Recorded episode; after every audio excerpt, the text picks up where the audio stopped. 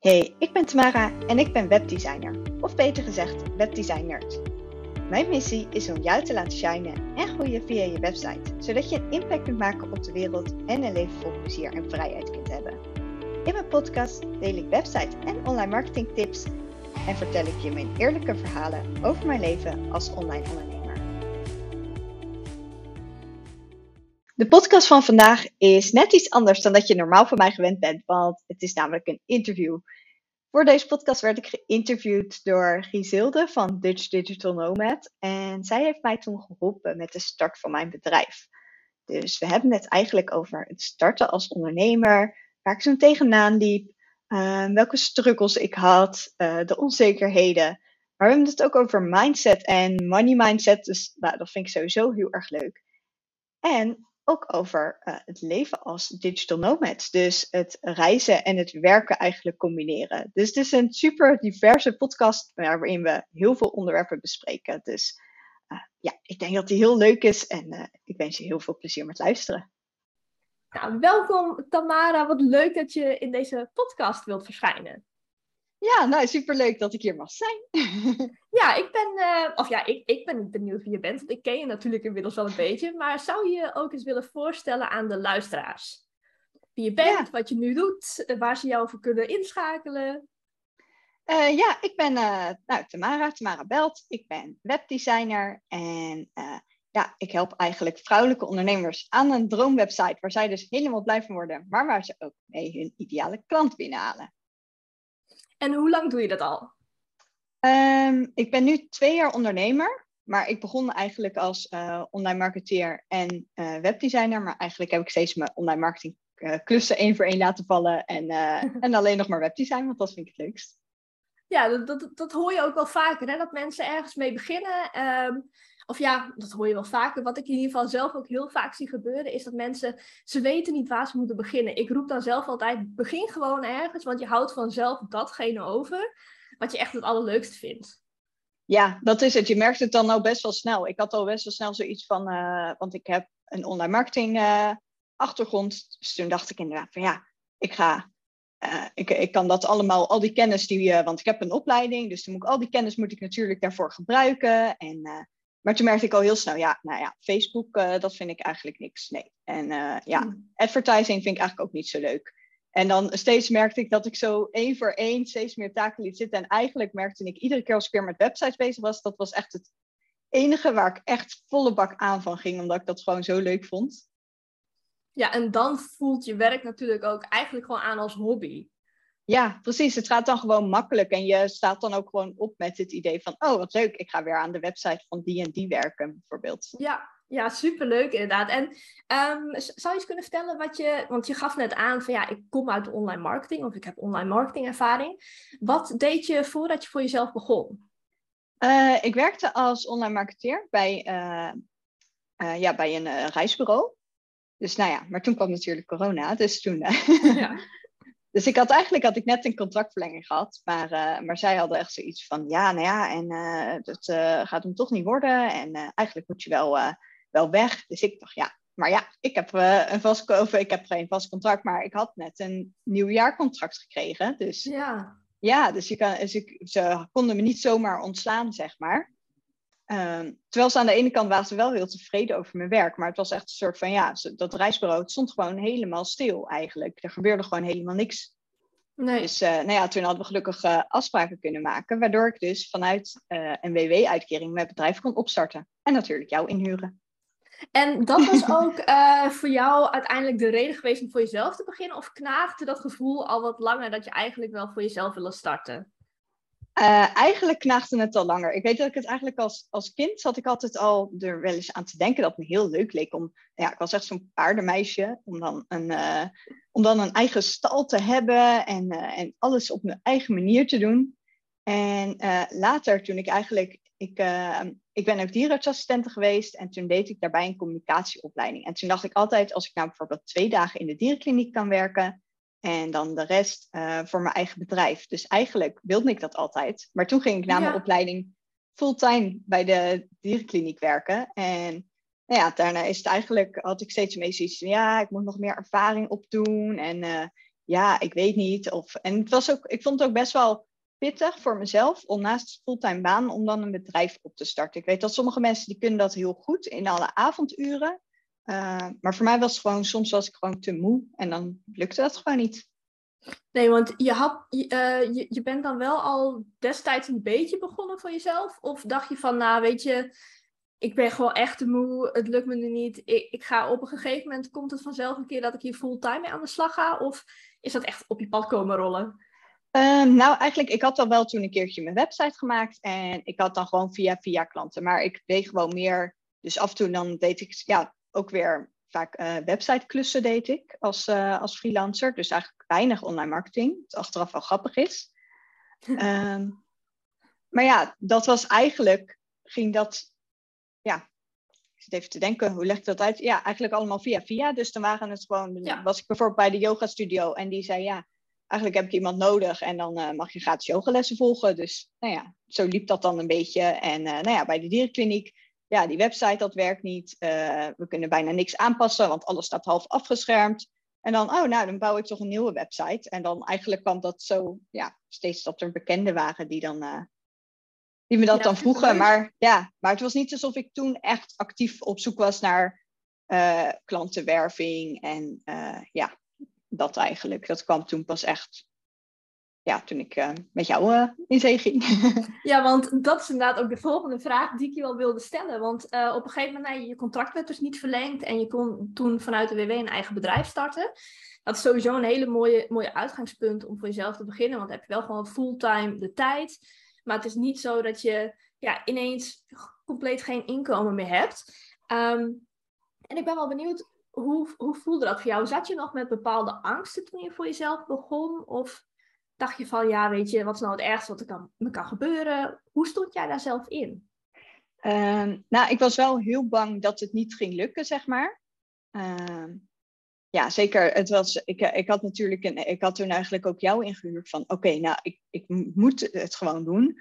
Want eigenlijk was ik door die hele situatie bij het reisbureau uh, ja, was ik eigenlijk zo klaar met in loondienst werken. Ik wilde gewoon voor mezelf werken en ik wilde ook heel graag ook meer kunnen reizen en zo. En toen dacht ik, ja, het is nu gewoon tijd eigenlijk dat ik mijn dromen ga waarmaken. En als ik weer terug ga in loondienst, dan zit ik weer in hetzelfde schuitje. Dus ik had wel, uh, ja, omdat ik dus die, die WW kon krijgen, uh, had ik toen wel voor mezelf zoiets van: oké, ik heb uh, zoveel maanden. Want toen heb ik even later met ze afgesproken dat ik uh, ik kreeg die WW, want toen heeft me, ja, het reisbureau die heeft nog twee maanden mijn salaris doorbetaald, omdat dat eigenlijk mijn ja, opzegtermijn was. Ja. En vanaf uh, augustus tot en met december kreeg ik dus een WW. En had, ik had toen met, met UWV ook afgesproken van oké, okay, tijdens die tijd hoef ik dus ook niet te solliciteren. Dus dat gaf voor mij heel veel rust. Maar ik had wel zoiets van oké, okay, ik moet wel een volledig lopend bedrijf hebben. Ehm, ja, per januari. Want anders dan kom ik gewoon niet rond en uh, moet ik mijn huis uit, uh, weet ik veel wat allemaal, auto verkopen, weer terug bij mijn ouders. ja, dus dat was voor jou eigenlijk toen wel de reden van, oké, dan ga ik het nu ook gewoon gelijk echt goed aanpakken. Ik laat me dan helpen door iemand die dit pad eigenlijk al eens bewandeld heeft. Ja, precies. Ja, en zeker ook omdat jij ook uh, natuurlijk dan echt als digital nomad en zo, toen dacht ik van, oké, okay, die weet ook gewoon hoe het is om uh, ja, te werken en te reizen, om dat samen te doen. Dus dat, ja, dus dat matchte ja. goed. En je had ook een online marketing ervaring. Dus ik, had ook zoiets van, ja, het was, het was fijn dat het niet was... Um, ja, ik begon natuurlijk niet met nul kennis, eigenlijk. Nee, klopt. Ik wist al wel wat. Ja, maar... Eh, even als uh, context ook voor de luisteraar. Volgens mij was het 2020 hè, dat, dat je voor ja. jezelf bent begonnen en, en dat wij zijn gaan samenwerken volgens mij. Ja. Dus het voelde, het voelde ook al heel lang geleden. Het is eigenlijk ook al heel ja, lang geleden. Ja, het is ook heel lang geleden. Ja, en het is echt wel leuk ook om te zien uh, ja, wat voor stappen je hebt doorgemaakt. Want destijds, ja, je had nog helemaal geen bedrijf. Je had wel ervaring. Je wist inderdaad van online marketing. Je had ervaring met websites maken. Dus wat dat betreft startte je niet vanaf vanaf nul, om zo maar te zeggen. Je had de skills gewoon in huis. En um, ja, in het coachingstraject kreeg je een extra stok achter de deur. Iemand die het inderdaad het pad wel al had bewandeld. En die je daar gewoon bij kon helpen. En wat is er toen, uh, toen eigenlijk in die maanden gebeurd? Want het traject dat wij hadden was drie maanden. Kun je nog terughalen voor jezelf wat voor stappen je toen ongeveer hebt gezet? Ehm, ik heb toen sowieso heb ik toen mijn hele, mijn hele website op de schop eigenlijk. Want ik had toen een heel basis website had ik toen gemaakt. Um, en die hebben we dus helemaal opnieuw, met tekst opnieuw geschreven. We hebben pakketten, want we hebben toen ook echt een aanbod hebben we toen uh, gemaakt. Ja, met, klopt, ja. met, ja, met echt pakketprijzen. En verder hebben we toen ook ja, dus we een funnel hebben we geloof ik opgestart. En ja, eigenlijk een soort van de basics die je allemaal nodig hebt om echt je bedrijf te starten. En toen heb ik ook heel veel ook, uh, ja, in ambitieuze meisjes en business babes. Ja, dat zijn klopt. de Facebookgroepen. Heb ik heel veel ook, uh, ook gereageerd op opdrachten. Uh, dus, dus dat heeft toen achteraf heeft dat ook wel, wel voor, wat, voor wat opdrachten gezorgd. Dus dat was natuurlijk heel erg mooi. Ja, want als ja. ik me goed herinner, had je ook inderdaad in die eerste drie maanden, of, of uh, rond dat het traject afliep, had je volgens mij ook gewoon. Ik, had, ik heb het kick-off formulier nog even teruggelezen, ook uh, even gekeken. Oh, dat is wel leuk. Wat was inderdaad.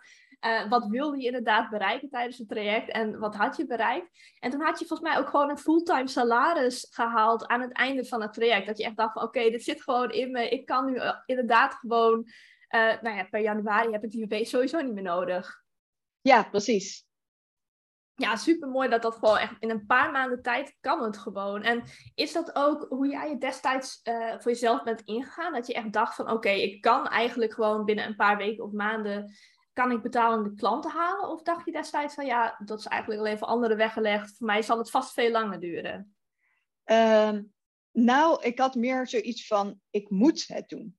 Dus soort van hoe, het, hoe, hoe ik het doe, doe ik het. Maar ik moet het doen, want anders dan moet ik dus uh, weer gaan solliciteren en weer in loondienst gaan. En daar had ik eigenlijk zo'n uh, afkeer eigenlijk een beetje tegen gekregen. Terwijl er op zich niks mis mee is, want er zijn natuurlijk ook heel veel leuke banen in loondienst. Maar doordat het ja, ja. voor mij al even gewoon uh, vervelende tijd was geweest, dacht ik ja, dit, dit gaan we dus niet meer doen. Ik wil Nee. gewoon mijn eigen bedrijf, ik wil gewoon mijn vrijheid. Ik wil gewoon werken met mensen die ik zelf heel leuk vind. En ja, makkelijk dingen kunnen aanpassen. Dus ja, ik had heel erg zoiets van, oké, ik, uh, ja, ik wist dat het bijvoorbeeld voor jou ook mogelijk was geweest. Dus ik dacht, ja, ik moet het gewoon. Het is mogelijk. Uh, Ja. Ik twijfelde nog wel of het mogelijk was voor mij, maar ik dacht, ja, ik zal wel moeten. Ja, en die, die twijfel die bestond dus van ik ben wel benieuwd of het voor mij ook gaat lukken. Hoe heb je jezelf daar toen overheen gezet? Weet je dat nog? Of dacht je gewoon van oké, ik begin wel gewoon en ik zie wel hoe het eindigt? Ehm, nou, op zich, die, die, eh, die WW, dat gaf me wel rust, moet ik zeggen Ja. hoor. Want ik wist in ieder geval dat ik, nou ja, tot en met eh, december in ieder geval in mijn huis kon blijven wonen. Ja, Dus dat is ook wel fijn dat, was wel, dat was wel prettig. Stond ik in ieder geval niet op straat. Ehm, ja, en toen eigenlijk gewoon het doen, denk ik. En verschillende dingen uitproberen. En ja, ik heb het ook regelmatig heb ik het ook bij jou neergelegd. Gewoon van ja, ik zit heel erg te twijfelen en wat dan ook. En Ja. ja, dan gaf je me ook af en toe even een soort van motivatie eh, dingetje. Me, Ja, even door een schop onder de kont, even een reality check van eh nou, het is heus wel mogelijk, we gaan gewoon dit en dit doen. En dan, eh, ja, precies. We kunnen nog dit aan. proberen. Ja. precies. Ja, precies. Nou ja, dat is natuurlijk al heel lang geleden. We zijn het bijna allemaal vergeten, 2020. Ehm, waar ligt je focus nu op? Wat ben je nu vooral aan het doen zelf?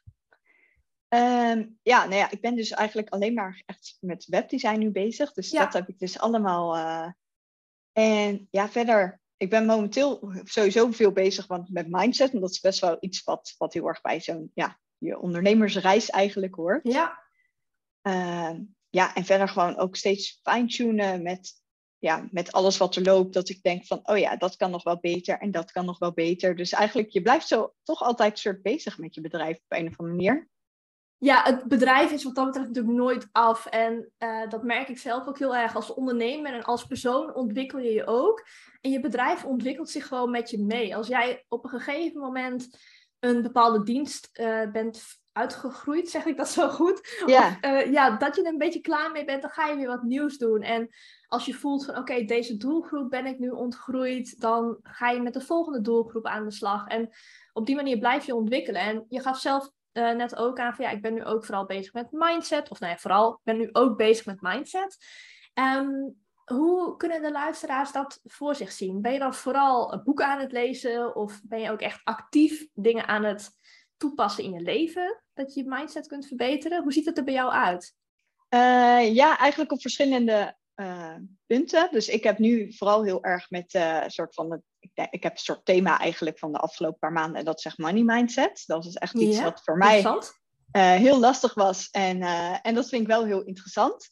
En ja, dus eigenlijk, ik, ik, dan luister ik daar podcasts over. Ehm, ik heb boeken gelezen en ja, je hebt ook verschillende oefeningen en zo. En ik was ook in, Ja. een, eh, in een coaching tra- traject ook gestapt ehm, daarvoor. Dus, eh, dus ja, en dan krijg je ook allemaal opdrachten en zo waarmee je gewoon ook aan de slag kan gaan. En ook vaak erover schrijven. Dat is ook echt wel een soort bekende mindset oefening Ja. om erover te gaan journalen. Dus, Klopt, eh, inderdaad. Ja, dat kan ook echt lekker werken. En, ehm, ik, ik, ik weet niet of je dat wilt beantwoorden hoor, maar hoe was je money mindset en hoe is die nu? Wat heb je zeg maar de afgelopen maanden daarin mogen shiften? Is dat iets wat je wilt delen? Eh, ja. ja, ik had eigenlijk in de, in de eerste instantie, was ik dus echt, ehm, ik had heel erg een tekort mindset. Ik ben best wel een soort, kom uit een gezin waar het altijd, eh, we, hebben, we hebben het altijd goed gehad, maar er werd altijd heel veel gespaard. Dus, eh, Ja, dus het was, ik was ook als kind, was ik ook altijd, eh, ik had heel veel spaargeld. Ik had gewoon, nou ja, dan hadden inderdaad eh, mijn klasgenootjes, die hadden dan eh, met pijn en moeite 30 euro bij elkaar. En ik had zo in mijn spaarpot eh, 100 euro zitten. Ja. Of nou ja, misschien waren er zelfs nog guldens. Ik, eh, dat weet ik niet. Maar in ieder geval dat je denkt, nou, als een kind om, eh, om 100 gulden te sparen is, eh, is best, wel, eh, ja, best wel knap. ja. En dat werd ook altijd heel erg toegejuicht. Dus ik had ook nog steeds dat ik heel erg, ik heb dan ook een soort van het gevoel, als ik veel spaargeld heb, dat geeft mij gewoon een heel veilig gevoel eigenlijk. ja, Ehm, maar daardoor was ik dan ook de hele tijd als ondernemer ben je natuurlijk best wel soms dat je, eh, ja, je hebt niet dat je standaard eh, zoveel salaris op je bankrekening krijgt. Dat kan gewoon soms een beetje wisselen. ja, Dus op klopt. momenten dat ik dus eh, nou ja, een paar grote opdrachten had binnengehaald, dan ging ik, nou echt, ik wist precies zeg maar van, oh, nou zoveel is het minimale waarvan ik kan leven. Dat maak ik over als salaris. En de rest ging ik allemaal op een spaarrekening zetten van een beetje voor een rainy day, van voor het geval dat er eh, iets misgaat of ja, dat ik het nodig Ja. heb. Eh, maar daardoor leefde ik dus echt soort van, van het minimum. Dus, dan, eh, dus ik kon mezelf ook bijna niks gunnen, omdat ik eigenlijk gewoon, ja, ik had genoeg geld om, om gewoon te eten en om ja, te leven eigenlijk. Maar het is dan meer Ja. overleven in de plaats van leven. En dat zat me enorm in de weg. Dus het was ook soms echt een beetje alsof er een soort ja, donkere wolk constant boven mijn hoofd hing. Met van, omdat ik zo bang was om tekort te hebben. En dan inderdaad dan, dat ik dan maakte het heel dramatisch in mijn hoofd. Van, ja, dan, dan moet ik misschien mijn huis wel uit. En, of ik moet mijn auto Ja. verkopen. Oh, eh, ja. Nou ja, dan, eh, dat, eh, ik weet niet, ja, nou ja, dan maar geen Netflix. Ja, waar kan ik nog meer op besparen? en dan, Ja, dus precies. allemaal, ja, dus, dus dat was gewoon, ja, was ook gewoon niet fijn. En dan, ik ben ook best wel een soort van oversharer, dus dan moet ik het ook altijd, als ik ergens mee zit, delen met iedereen. Dus dan ging ik het delen met mijn ouders, waardoor mijn ouders weer dachten, ach nee, ons meisje is ongelukkig. Dus die gingen Ja. me dus dan weer dingen toestoppen, waardoor ik dus me soort weer een soort schaamde eigenlijk van, oh, ja, dan eh, gaan mijn ouders, die eh, gaan me allemaal cadeautjes en dingen geven en zo. En eh, die gaan me geld toestoppen voor van, ja, ja, dan kan je op vakantie en dit en dat. Ja, dat voelt dan ook van- niet lekker natuurlijk. Nee, precies. Het is super lief. Maar dat, het is niet, ja, je wil natuurlijk ook op je eigen benen staan. En dat is ook een Ja. stukje wat bij het ondernemen ook hoort. Wat, wat ik ook fijn vind, wat ik leuk vind, om het ook zelf te doen. Ja, Ehm, dus ja, dus dat was voor mij best wel, eh, het hield me best wel tegen gewoon een soort van, eh, volgens mij zeggen, Michael Pilarczyk, die heeft dat in zijn, die, die heeft dat in zijn boek, iets van, ehm, ja, geld maakt misschien niet, eh, niet gelukkig, maar geld problemen maakt wel ongelukkig. Iets in die trant hoor, Ja. het is niet precies hetzelfde. En toen dacht ik, ja, ik had geen geldproblemen, maar in mijn hoofd had ik wel geldproblemen. En dat Ja. was dus eigenlijk wat voor mij... Dus, ja, nee, eh, dat snap ik wel. Dus dat is ook een hele goede om daar dan inderdaad aan te gaan werken. En om te kijken, van, ja, hoe kun je dat gevoel in ieder geval oplossen? Want wat dat betreft was er eigenlijk helemaal geen probleem. Want je verdiende genoeg, je kon inderdaad gewoon sparen. Ik kon Alleen gewoon op vakantie, gewoon, ja, Ja, Dus het, het, het- ja, het was gewoon een beetje. Ja, dus en toen ben- ik dus eigenlijk daarmee best wel veel aan de slag gegaan. En nu merk ik gewoon dat, eh, ja, ik voel het gewoon. Ik, eh, ik gun mezelf meer dingen van, oh, nou, ik mag gewoon nieuwe kleren kopen. eh, ik kan leuke dingen doen. En dat, het voelt allemaal gewoon veel lichter en veel leuker. En dan merk je gewoon Ja. dat je je, ja, dat je veel beter in je vel zit. Dus het kan best wel invloed hebben op je ja, gestel, als het ware. Ja, nee, dat, dat is zeker zo. Want als jij inderdaad zorgen maakt in je hoofd om problemen die er eigenlijk helemaal niet zijn, ja, dan is dat. Dan gaat het overheersen, dat gevoel. En dat is niet lekker, want je wilt gewoon ondernemen en leven vanuit een gevoel van, ja, nou ja noem het overvloed. Ehm, maar dat je gewoon echt dat vrije gevoel hebt in alles in je leven. Dus in je werk, maar ook qua bankzaken natuurlijk. Dus dat is een hele, hele goede dat als je hier inderdaad tegenaan loopt, om er wel echt bewust iets mee te gaan doen. Om te kijken van ja, hoe kan ik dit nu lichter maken? En is er voor jou iets geweest um, waardoor het voor jou nu lichter is geworden? Zijn er bepaalde technieken die je hebt toegepast? Of was het gewoon eigenlijk een knop die vanzelf wel omging? Ehm, nou, wat voor mij heel goed werkte, is eigenlijk om een soort terug te kijken. Uh, dus kijken van, hé, hey, wat heb ik nou eigenlijk in het afgelopen jaar gedaan? En toen dacht ik, hé, hey, ik ben in het afgelopen jaar, ik ben, uh, uh, ik had, was bezig eilandhoppen door Kroatië. Ik was op zeetrip geweest naar, naar Florence. ja, ik had gewoon eigenlijk allemaal dingen gedaan. En toen dacht ik, maar eigenlijk doe ik dit gewoon al het hele jaar. Kan ik dit gewoon prima doen? Dus er is eigenlijk helemaal niet, geen tekort. Want anders dan zou je niet op vakantie kunnen. En ik dacht ook van ja, ik heb gewoon een auto. Ik, uh, ik kan leuke dingen kopen en wat dan ook. Dus ik merkte heel erg dat toen ik terug ging kijken en kijken naar waar had ik nou daadwerkelijk ook uh, wel geld voor. Moet ik daadwerkelijk van een minimum leven? Want dat was dus helemaal niet zo. Want ik deed nog een, eigenlijk, ik gedroeg me wel op een manier van, van overvloed met gewoon reizen en zo. Mm wat, wat ik spaarde, dan spaarde ik wel voor reizen dan. Maar toch, omdat het dan weg was of zo, dan, ja, ik weet niet precies wat dat was. Nee, maar dat is, dat, wat mij wel in ieder geval opvalt uit het verhaal, is inderdaad het stukje, het stukje bewustwording. Dat dat een hele grote shift teweeg heeft gebracht. Van ja, ja. ja gewoon bewustzijn van, het, eigenlijk is het er allemaal al. Eigenlijk heb ik eigenlijk helemaal geen tekort. En dat schijnt dan toch al een heel groot deel van de oplossing te zijn geweest. Ja, en ik denk ook heel erg uh, minder naar anderen kijken. Want je hebt natuurlijk heel veel, uh, ja, wat, wat mensen allemaal op Instagram delen. En ik had toen een gesprek ook met mijn boekhouder erover. Want er waren, zijn heel veel, en die delen over 5k en 10k maanden en wat dan ook. En ehm, ja, dat is natuurlijk, uh, op zich is dat heel leuk als je dat hebt. Maar ja, voor mij is het, het is niet per se dat ik uh, eh, 5k nodig heb om mijn droomleven te leven. Dat, ja, dat kan ook prima met minder. En uh, ja, het is ook helemaal niet dat je een soort van ondergemiddeld bent. En toen zei eigenlijk mijn boekhouder, die, die had het erover dat, uh, ja, zij, zij zijn best wel groot in Nederland. Ze hebben heel veel ZZP'ers onder zich. En hij zei van ja, maar er zijn, uh, er zijn heel veel ondernemers die juist verlies draaien. Dus, ja. En degene die echt eigenlijk ja, die five-figure businesses hebben, dat is echt maar een heel klein percentage. Dus dat als je dat hebt, dan ben je echt een uitschieter. Uh, dus, uh, dus hij zei van ja, dat, je doet het echt super goed. Dus, dus dat was ook een soort van door, door wat hij zei, omdat ik dacht, oké, hij kan eigenlijk letterlijk in, nou ja, heel veel vrouwelijke ondernemers die ik ken, die zitten bij, dat, met dat, bij die boekhouder die, ja, hij kan eigenlijk soort van in al die financiën kijken. En als hij zegt dat ik het goed doe, dan mag ik daar ook op vertrouwen dat hij dat niet alleen zegt om mij soort blij te maken of wat dan ook. Nee, precies. En dat is natuurlijk ook wel een hele fijne soort van reality check of zo. zo van, want die Instagram-bubbel waar jij in zit, waar ik ook in zit, je hoort inderdaad al die mensen roepen over zoveel k maanden, zoveel k jaren. En aan de ene kant kan dat heel inspirerend werken volgens mij wordt er buiten gezaagd. Ik zet tussendoor even mijn raam dicht. En dat kan heel inspirerend werken natuurlijk. Alleen, het is ook zo, dat hoort ook bij deze podcast. Uh, het is ook zo dat het ook kan afschrikken van dat je denkt van, oh, maar ik zit nog niet op die 10k, ik zit niet op die 5k. En dan denk je van, ja, wat doe ik dan verkeerd?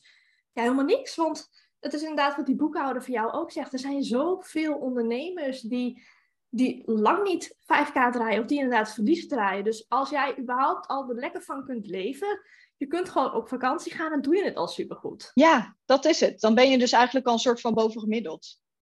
Ja, en je hebt natuurlijk ook, dat heb ik ook gezien, je bent dit jaar ook echt lekker lang op reis geweest als digital nomad. Dus dat kon je ook gewoon doen. Ja, precies. Ja, want uh, vertel eens aan de luisteraars, wat heb je gedaan? Want dit was je eerste echte lange digital nomad reis, toch? Ja, klopt. Ja, mijn broertje die, uh, nou ja, die komt eigenlijk vandaag komt hij terug. Die is sinds oktober was hij aan het reizen door, uh, door Midden- en Zuid-Amerika. Dus hij was begonnen in Mexico en ging helemaal naar beneden reizen. En toen ben ik hem in Costa Rica en Panama gaan opzoeken en ben ik met hem meegereisd voor zeven weken. Dus, ja, heel uh, dus, gaaf. Ja, dus ik heb mijn laptop gewoon meegenomen en ondertussen gewoon gewerkt. Dus nou ja, dat was echt top.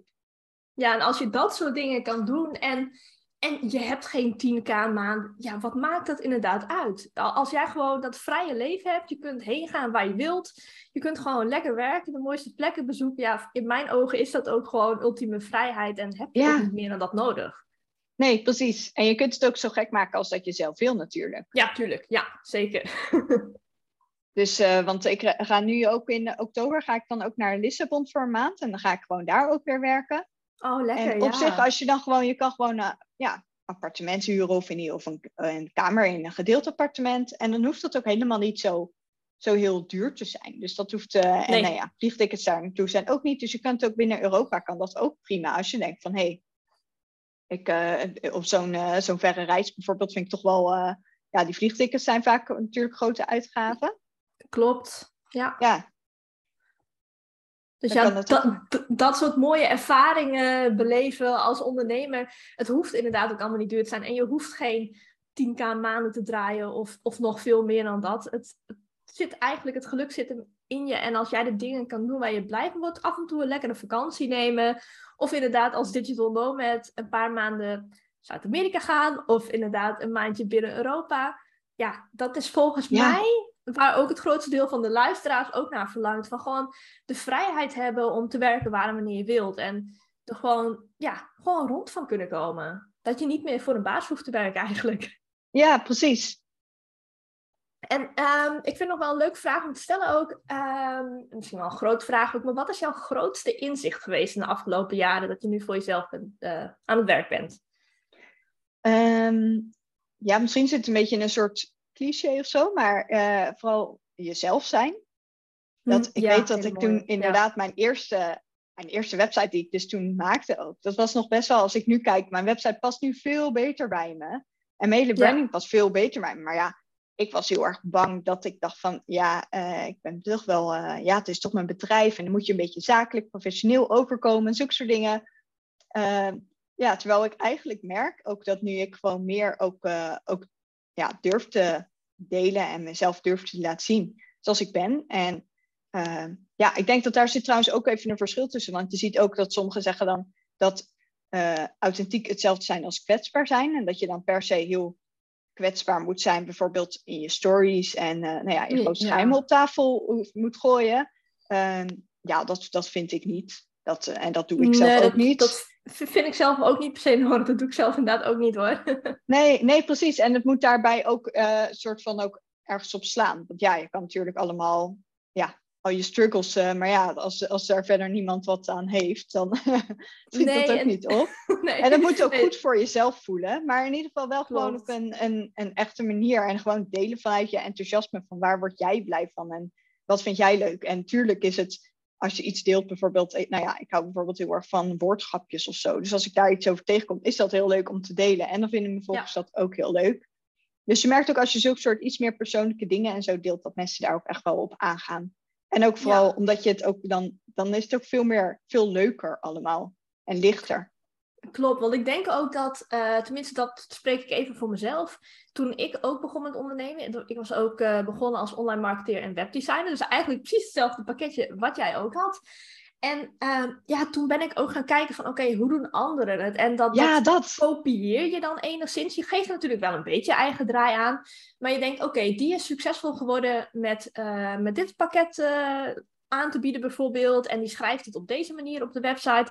En dan ga je dat automatisch een beetje kopiëren. Alleen gedurende de ondernemersreis kom je erachter dat het verkopen en het ondernemen veel leuker en fijner gaat als je het gewoon helemaal op je eigen manier doet. Ja, En dat is denk ik iets wat veel starters eh, ja, nu ook nog steeds doen hoor. Eh, maar dat is misschien ook wel iets wat ook oké is, wat er een beetje bij hoort. Dat je gaat Ja, je moet ook even wie je- je eigenlijk bent. ja, je moet je weg denk ik ook heel erg vinden daarin. Ja, Ook gewoon dat wat zelfvertrouwen opdoen van joh, je mag het op je eigen manier doen.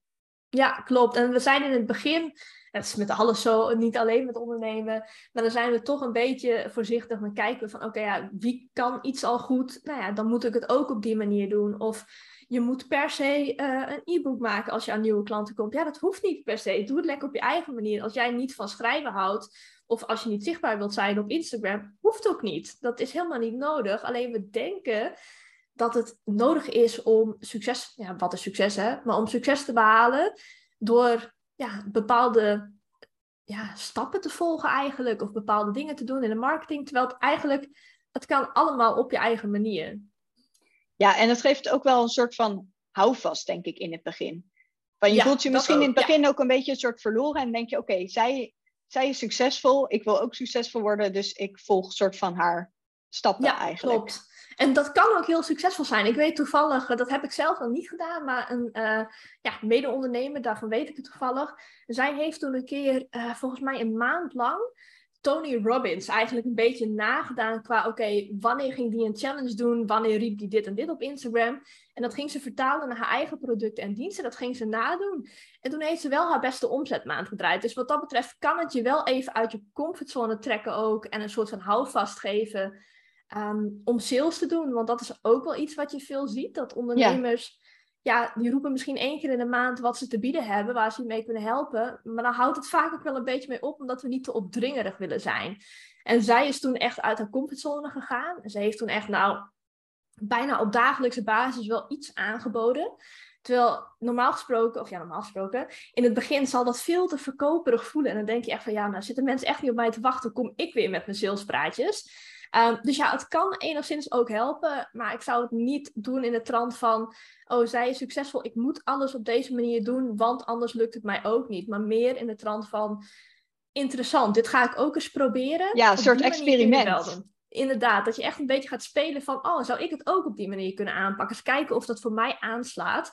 Want ja, wat je ook wel ziet tegenwoordig is dat um, ja, webinars zijn helemaal booming. Bijna iedereen maakt nu een webinar funnel. Maar voor sommige mensen is een webinar gewoon helemaal niet fijn. Het past niet bij ze. Nou ja, doe het dan lekker niet. Ga gewoon iets anders doen.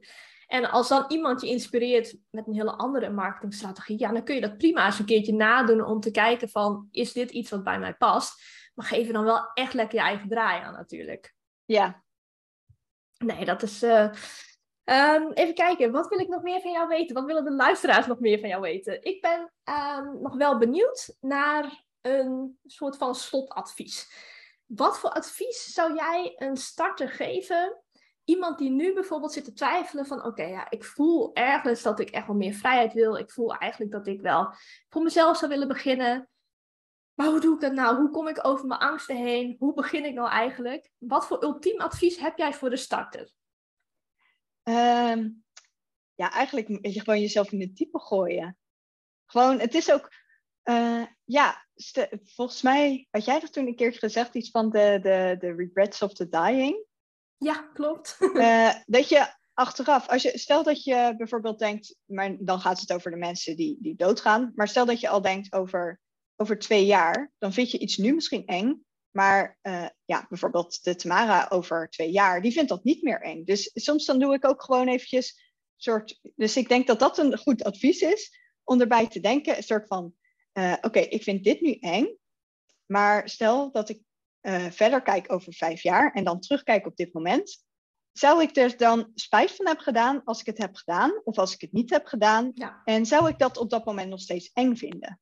Dus, want dat geeft soms ook een beetje een soort perceptie van, hé, hey, uh, eigenlijk is deze angst, ja, ik vind het wel spannend, maar als ik dit niet doe, dan krijg ik daar gewoon vette spijt van. En dan ga ik nooit mijn droomleven uh, leiden. En dan ja, sta ik misschien over vijf jaar sta ik nog op precies dezelfde plek. Terwijl ik eigenlijk al ja, vijf jaar allemaal mooie plekken op de wereld had kunnen zien. En, mijn eigen bedrijf had kunnen hebben, wat dan ook.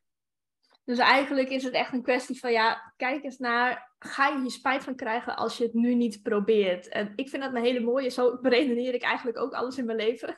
Ja. dus dat, ja, dat is gewoon een hele mooie, want je denkt bij jezelf, ja, ja, maar ja, kan ik het wel? Moet ik het nou wel doen? Ja, wat als jouw future zelf van over vijf jaar daarop terugkijkt? Ja, had je dan eerder willen beginnen? Ja, waarschijnlijk wel. Waarschijnlijk wel. Ja, ook als ik nu terugkijk, dan denk ik van, oh, ik had al veel eerder mijn bedrijf kunnen starten. Maar achteraf, eh, weet je, alles gebeurt dan soms ook wel een beetje voor, met een reden. Dus je neemt overal weer leermomenten uit mee. Klopt.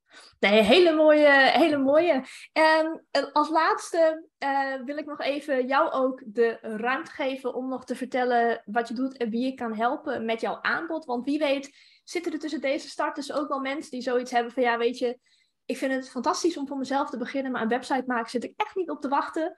Ja, dan kunnen ze natuurlijk bij jou terecht. Dus ehm, pak je podium even en vertel nog even wie jij heel goed kan helpen.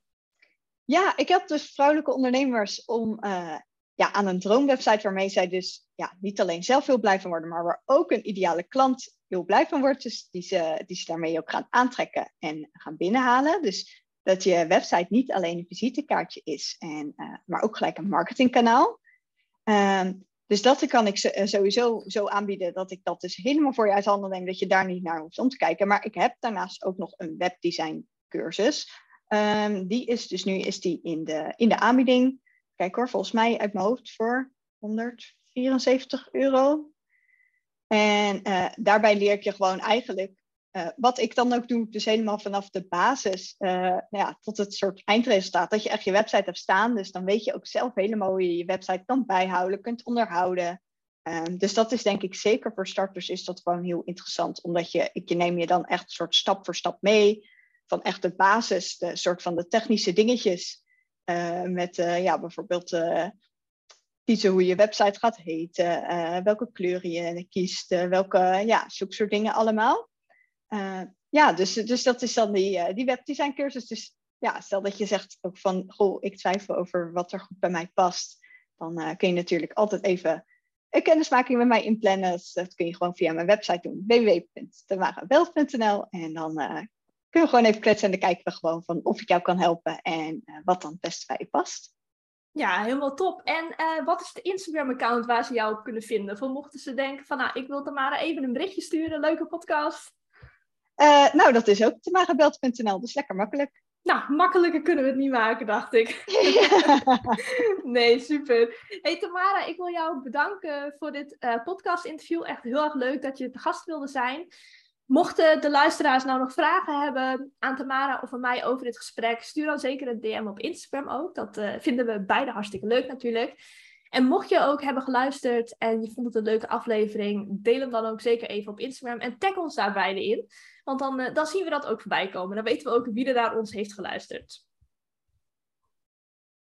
Wat ontzettend leuk dat je luisterde naar mijn podcast. Ik hoop dat je veel aan deze aflevering hebt gehad. Vond je deze podcast nou waardevol? Deel hem dan ook op Instagram. Dat kan gewoon in je stories, maar dat mag natuurlijk ook in je feed.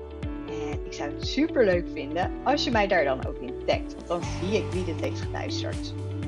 Wil je mij nou helemaal blij maken? Geef deze podcast dan 5 sterren. Dat kan natuurlijk gewoon in Spotify. Dat kan ook in iTunes. En in iTunes kun je dus zelfs ook een review achterlaten. Dat zou ik natuurlijk super leuk vinden, want zo help je mij te groeien en kunnen we met z'n allen een nog grotere impact maken op de wereld. Bedankt voor het luisteren en tot de volgende keer.